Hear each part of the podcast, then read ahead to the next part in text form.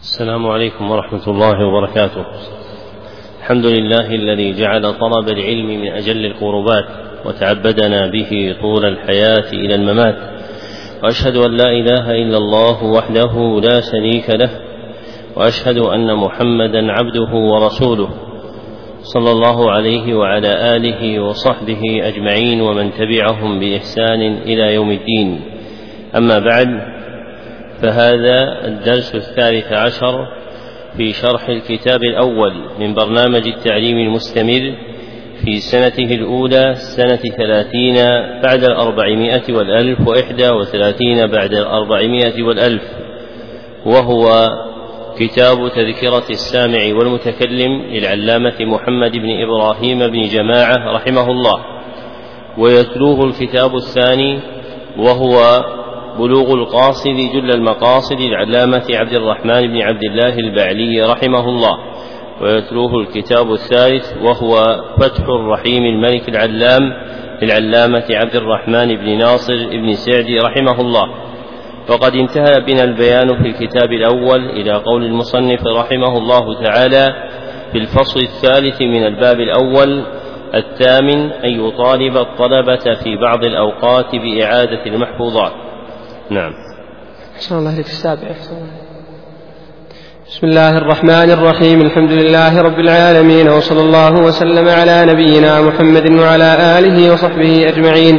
اللهم اغفر لنا ولشيخنا وللحاضرين ولجميع المسلمين. قال المؤلف رحمه الله تعالى السابع إذا فرغ الشيخ من شرح درس فلا بأس بطرح مسائل. فلا بأس بطرح مسائل تتعلق به على الطلبة يمتحن بها فهمهم وضبطهم لما شرح لهم. فمن ظهر استحكام فهمه له بتكرار الإصابة في جوابه شكره ومن لم يفهمه تلطف في إعادته له. السابع إذا فرغ الشيخ من شرح درس فلا بأس بطرح مسائل تتعلق به على الطلبة يمتحن بها فهمهم وضبطهم لما شرح لهم فمن ظهر استحكام فهمه له بتكرار الإصابة في جوابه شكره ومن لم يفهمه تلطف في إعادته له.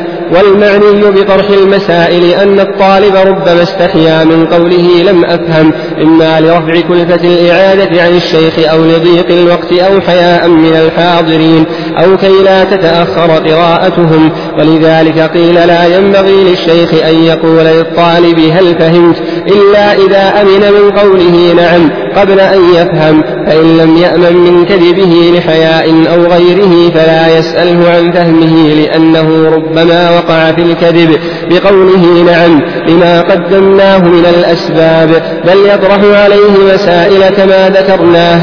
فإن سأله الشيخ عن فهمه فقال نعم فلا يطرح عليه المسائل بعد ذلك إلا أن إلا أن يستدعي الطالب ذلك لاحتمال خجله بظهور خلاف ما أجاب به. وينبغي للشيخ أن يأمر الطلبة بالمرافقة في الدروس كما سيأتي إن شاء الله تعالى وبإعادة الشرح بعد فراغه فيما بينهم ليثبت في أذهانهم ويرسخ في أفهامهم ولأنه يحثهم على استعمال الفكر ومؤاخذة النفس بطلب التحقيق. ذكر المصنف رحمه الله تعالى أدبا آخر من آداب العالم مع طلبته مطلقا وفي حلقته وهو الأدب السابع منها ومحصل ما ذكره أنه ينبغي للشيخ المعلم إذا فرغ من شرح درس ما أن يطرح مسائل متنوعة تتعلق بذلك الدرس على الطلبة والمقصود من طرحها امتحان فهمهم وضبطهم لما شرح لهم فإن المعلم ينبغي له أن يجتهد في تعرف أحوال الطلبة في ضبط العلم ومن طرائق ذلك أن يلقي عليهم الأسئلة يمتحن بذلك فهمهم وضبطهم لما شرحه لهم. فإذا ألقى الأسئلة عليهم فإن الطلبة بين نوعين اثنين أحدهما طلبة يظهر استحكام فهمهم للدرس بتكرار الإصابة منهم. والنوع الثاني طلبة يظهر من إجاباتهم ضعف إدراكهم لمقاصد الدرك وفوات شيء من فهمه عليهم. فمن كان من النوع الأول فإنه يشكره تشجيعا له فإن الطالب يحتاج إلى حث على العلم ومن جملة حثه شكره فيما أصاب فيه. وإن كان ممن لم يفهم وبان من جوابه ضعف إدراكه لمقاصد الشرح فإنه يتلطف في إعادة الدرس له بيانا ولا يلزم أن يعيده بحذافيره لكنه يلقي عليه مهماته مما تضمنه السؤال. ثم ذكر المصنف رحمه الله تعالى الموجب لطرح المسائل وهو أن الطالب ربما استحيا من قوله لم أفهم. فقد لا يفهم الطالب من أول مرة أو يكون غافلا ساهيا فيفوته ما يحتاج إليه فيستحي أن يقول لشيخه إني لم أفهم. فيرفع الشيخ معرة الكلفة بينه وبين تلميذه بمثل طرح الأسئلة فإن الطالب قد يستحي مخافة الكلفة أو لضيق الوقت أو حياء من الحاضرين أو كيدا تتأخر نوبة من بعده ممن يقرأ على شيخه. فإذا طرح المعلم الأسئلة وقع المقصود من رفع استحياء الطالب من قوله لم أفهم. ثم ذكر المصنف رحمه الله تعالى من الآداب التي ينبغي أن يكون عليها المعلم وهو أنه لا ينبغي أن يقول للطالب هل فهمت إلا في حال واحدة. وهي إذا أمن من قوله نعم قبل أن يفهم. فإن من الطلبة من يبادر إلى قول نعم خجلا أو حياء أو غير ذلك فيقول نعم وهو لم يفهم. فلا ينبغي للشيخ أن يقولها إلا إذا أمن من الطالب المبادرة إلى قول نعم وهو على خلاف الحال. فإن لم يأمن أن يقول خلاف ذلك لحياء أو غيره فلا يسأله عن فهمه لأنه ربما وقع في الكذب بقوله نعم للأسباب المتقدمة من وجود كلفة بينه وبين معلمه أو لضيق الوقت أو حياء من الحاضرين أو غير ذلك. بل يطرح المعلم عليه المسائل كما تقدم لأنها الأنفع في حقه. فإذا سأله الشيخ عن فهمه فقال نعم فلا يطرح عليه المسائل بعد ذلك بل يكتفي بقول الطالب نعم إذا عرف أنه يقولها في موقعها إلا أن يستدعي الطالب ذلك لاحتمال خجله بظهور خلاف ما أجاب به. فإذا غلب على ظن المعلم أن الطالب يقول نعم مع عدم وجود الفهم فإنه يطرح عليه ما يطرح عليه المراد من الدرس مرة أخرى كي يستحكم فهمه للمقصود ولا يبادره بطرح الأسئلة عليه. ثم ذكر المصنف رحمه الله تعالى من الأدب الذي ينبغي أن يرعاه الشيخ في حق طلابه أن يأمرهم بالمرافقة في الدروس والمقصود أن يترافقوا متزاملين في أخذ العلم. فإن المرء يقوى بغيره والنفس قد تضعف عن طلب المقامات الرفيعة ومن جملتها العلم فإذا كان لها مساعد وعضيد تقوت عليه فيأمر المعلم الطلبة أن يترافقوا في الدروس كي يقوي كل واحد منهم كي يقوي كل واحد منهم صاحبهم ويأمرهم أيضا بإعادة الشرح بعد فراغه فيما بينهم.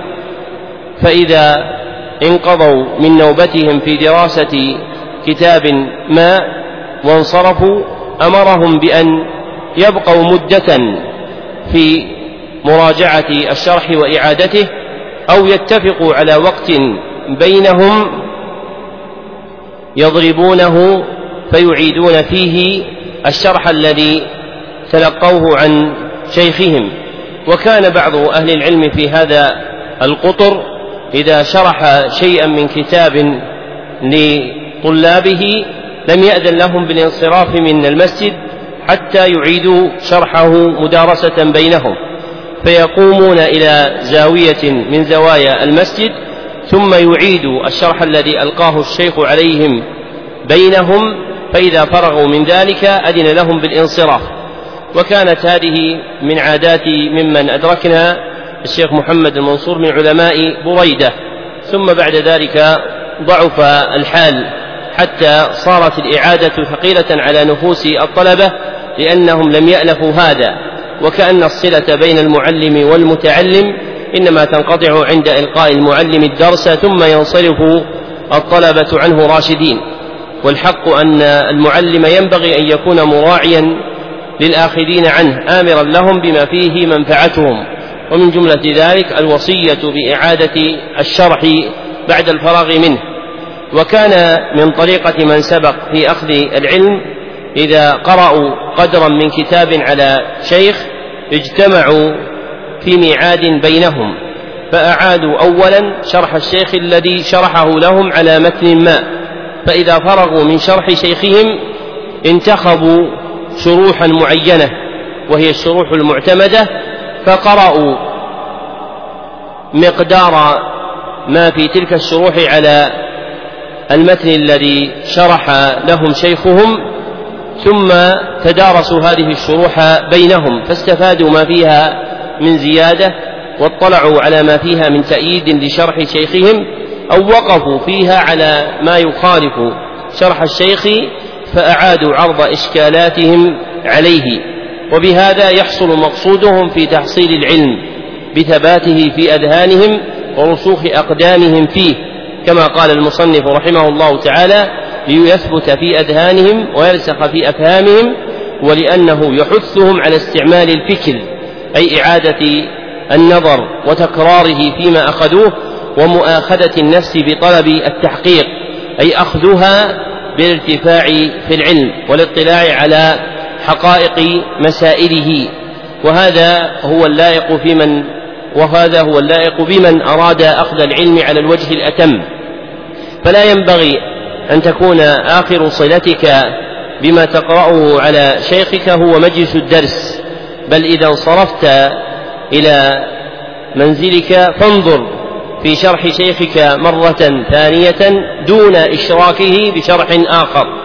فإذا فرغت من مطالعة شرح شيخك بالكلية اخترت شرحا أو شرحين ولا تزد على ثلاثة من الشروح المعتمدة وطالعت ما في تلك الشروح على القدر الذي شرحه لك الشيخ من المتن. وما في تلك الشروح هو إما شيء ذكره شيخك فيثبت عندك وإما شيء زائد عما ذكره شيخك فتستفيده.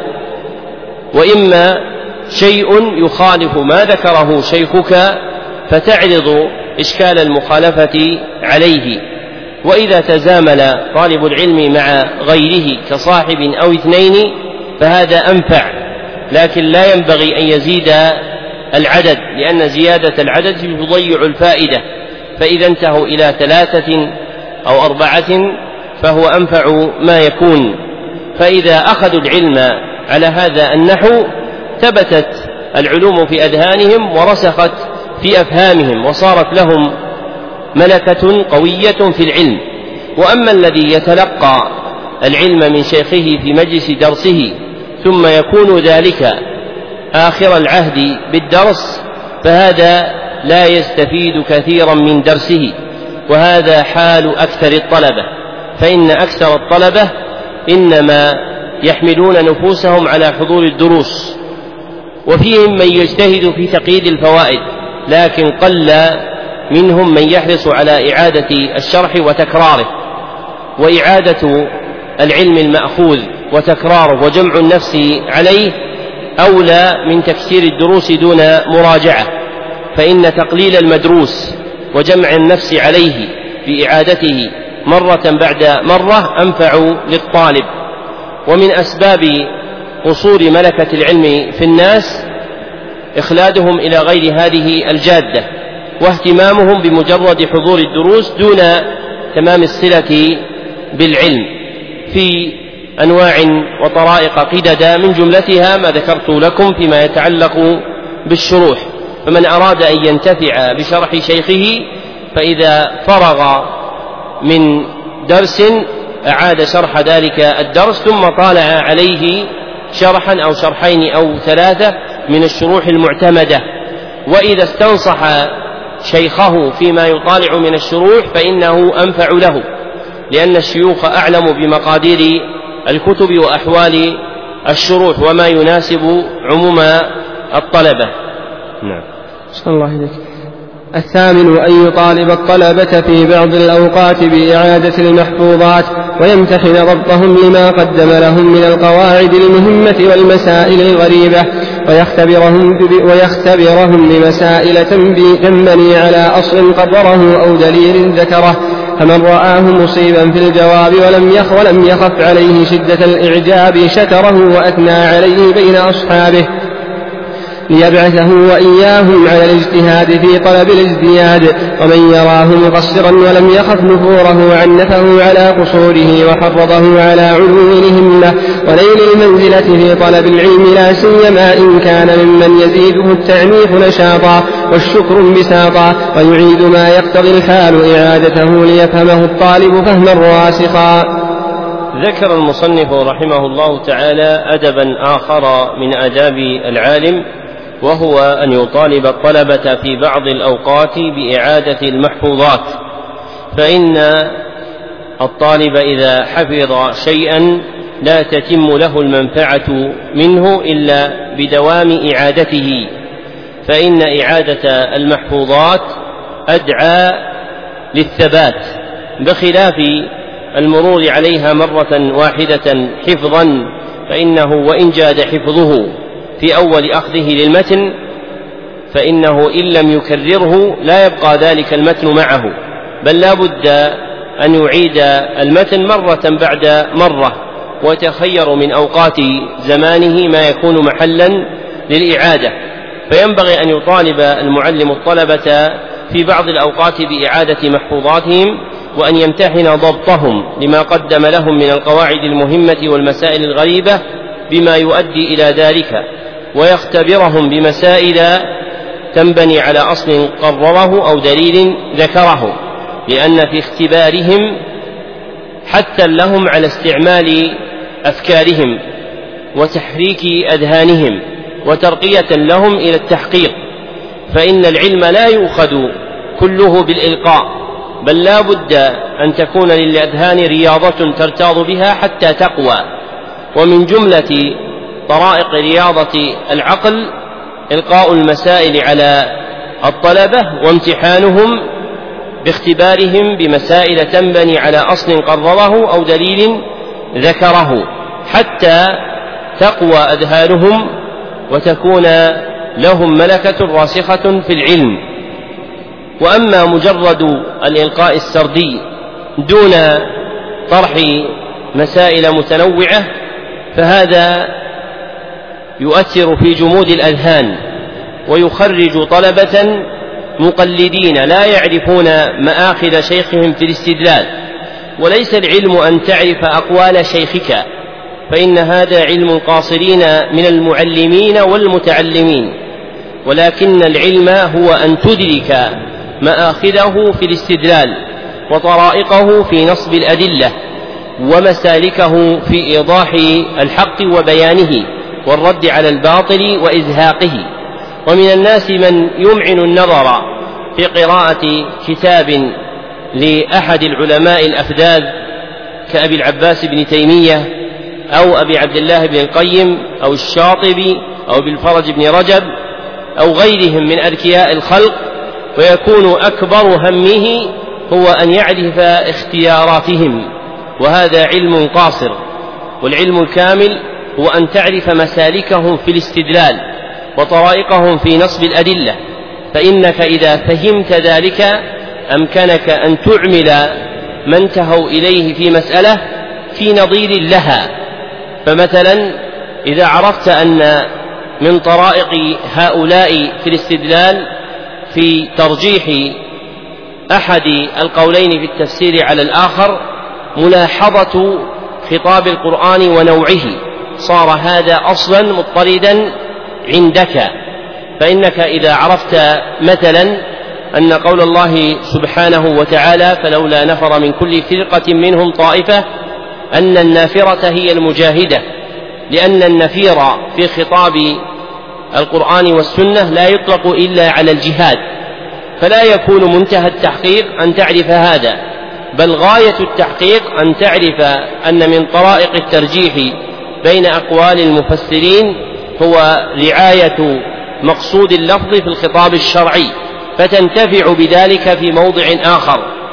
فمثلا قول الله سبحانه وتعالى في سورة العصر والعصر إن الإنسان لفي خسر اختلف المفسرون في المراد منه ومن عرف المراد بالعصر في خطاب القرآن والسنة أدرك أن المراد بالعصر في هذا الموضع هو الوقت المعروف الذي يكون في آخر النهار فإنه لم يأتي في الكتاب والسنة إطلاق العصر إلا على هذا المعنى فتعين حمل هذا اللفظ في سورة العصر على المعنى المعروف في كتاب في خطاب الشرع من الكتاب والسنة وهكذا يكون تحقيق العلم وتأصيله. ثم ذكر المصنف رحمه الله تعالى أن المعلم إذا امتحن الطلبة فإما أن يصيبوا وإما أن يخطئوا فمن رآه مصيبا في الجواب فإنه يشكره ويثني عليه بين أصحابه ليبعثه وإياهم على الاجتهاد في طلب الازدياد إلا أن ذلك مشروط بأن لا يخاف عليه الإعجاب فإن نفوس الخلق ميالة إلى الاغترار بالظواهر ومن جملة ذلك العجب الذي يلحق المتعلم إذا أصاب في مسألة أمام شيخه فينبغي أن يراعي المعلم ذلك. فإذا خشي على أحد من المتعلمين أن يعجب بنفسه حبس حبس عنه شكره. وكان أهل العلم في هذا القطر على هذا. فلم يكونوا يعظمون الطلبة في مجالس الدرس وقل أن يخاطبوا أحدا من تلاميذهم مهما بلغ في العلم بلفظ الشيخ بين الطلبة. فإن هذا ربما أضره بعجبه بنفسه أو أضرهم بوقوع الحسد منهم.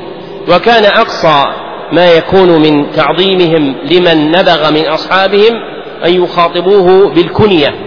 فإن العرب كانت إذا عظمت أحدا كنته وأما الاسم المجرد فإنه لا يشتمل على تعظيم.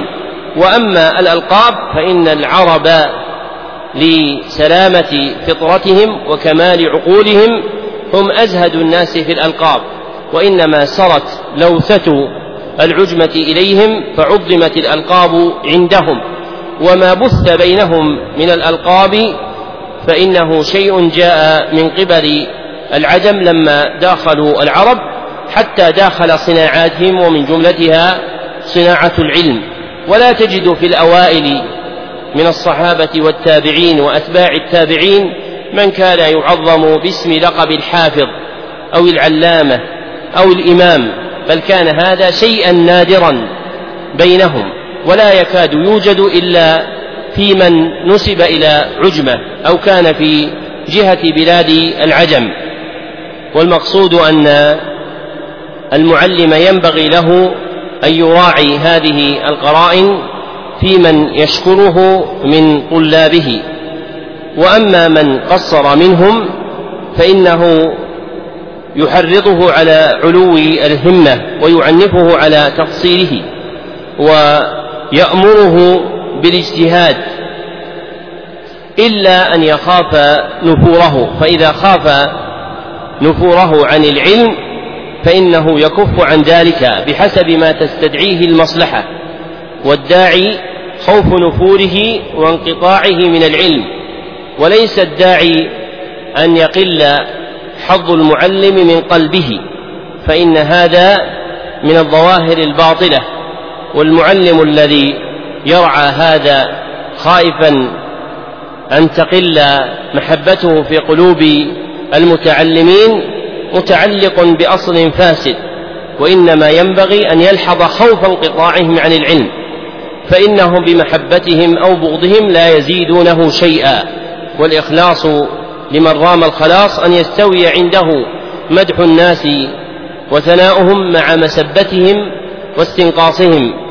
فإن الإنسان إذا عرف نفسه لم يضره جهل الجاهلين ولا نفعه مدح المادحين والأمر على رعاية الإنسان لقلبه والمقصود أن المقصر إذا عنف فإن التعنيف داعيه حظه على العلم وخوف انقطاعه منه وعلل المصنف رحمه الله تعالى ذلك بقوله لا سيما إن كان ممن يزيده التعنيف نشاطا والشكر انبساطا فإن الخلق لهم أحوال متفاوتة والمعلم ينبغي أن يتصحف هذا في أحوال المتعلمين وأن يطلع من قرائن تصرفاتهم وأحوالهم ما ينبئه عن أخلاقهم فإن البصير يطلع بالظواهر على البواطن وإذا اقترن بذلك الإيمان الصادق والعلم الكامل والإقبال على الله عز وجل جعل الله عز وجل للمعلم بصيرة يدرك بها أحوال الخلق بحسب ما يفتح الله عز وجل له من التفرس والفهم في مدارك الخلق وأحوالهم. ثم قال في حق من قصر ويعيد ما يقتضي الحال إعادته ليفهمه الطالب فهما راسخا فإذا رأى منه تقصيرا في سؤال سأله عنه فإنه يعيد له المقصود من الدرس مما يتعلق بهذا السؤال ليفهمه الطالب فهما راسخا. وبهذا ينتهي التقرير على هذا الكتاب. واعمالا لما ذكره المصنف رحمه الله تعالى وقياما بما اتفقنا عليه من دوام مراجعة الدروس فإننا إن شاء الله تعالى سنراجع كل كتاب من الكتب الثلاثة التي انتهينا فيها في الفصل الدراسي الأول إلى القدر الذي انتهينا منه في الفصل الدراسي السابق في الكتاب الأول وهو تذكرة السامع والمتكلم في الأسبوع المقبل. ثم الكتاب الثاني وهو بلوغ القاصد في الأسبوع الذي يليه ثم كتاب فتح الرحيم الملك العلام في الكتاب الذي يليه والدروس تبقى كما هي وسنأخذ في كل أسبوع من الكتاب الذي يتعلق به وقتا لاختباره. فمثلا في الأسبوع المقبل سيكون اختبار تذكرة السامع والمتكلم فسيكون من وقته وقت للاختبار في القدر الذي تقدم في الفصل الدراسي الأول وهو آخر الدرس العاشر. ثم في الأسبوع الذي يليه الكتاب الذي يليه ثم في الأسبوع الذي يليه الكتاب الذي يليه. وإذا فرغنا من اختبار تذكرة السامع والمتكلم في الأسبوع القادم انتقلنا إلى بلوغ القاصد فكان درسا وانتقلنا بعده إلى فتح الرحيم الملك العلام فكان درسا. فلا تتوقف الدروس بل تكون على ما هي عليه. وقد انتهينا في كتاب تذكرة السامع والمتكلم إلى صفحة ستة وستين. قبل الفصل الثالث في أدب العالم مع طلبته مطلقا وفي حلقته. فما قبل ذلك من أول الكتاب إلى هذا الفصل كله داخل في الاختبار بإذن الله سبحانه وتعالى والاختبار في الكتاب نفسه وفيما أملي عليه من الفوائد.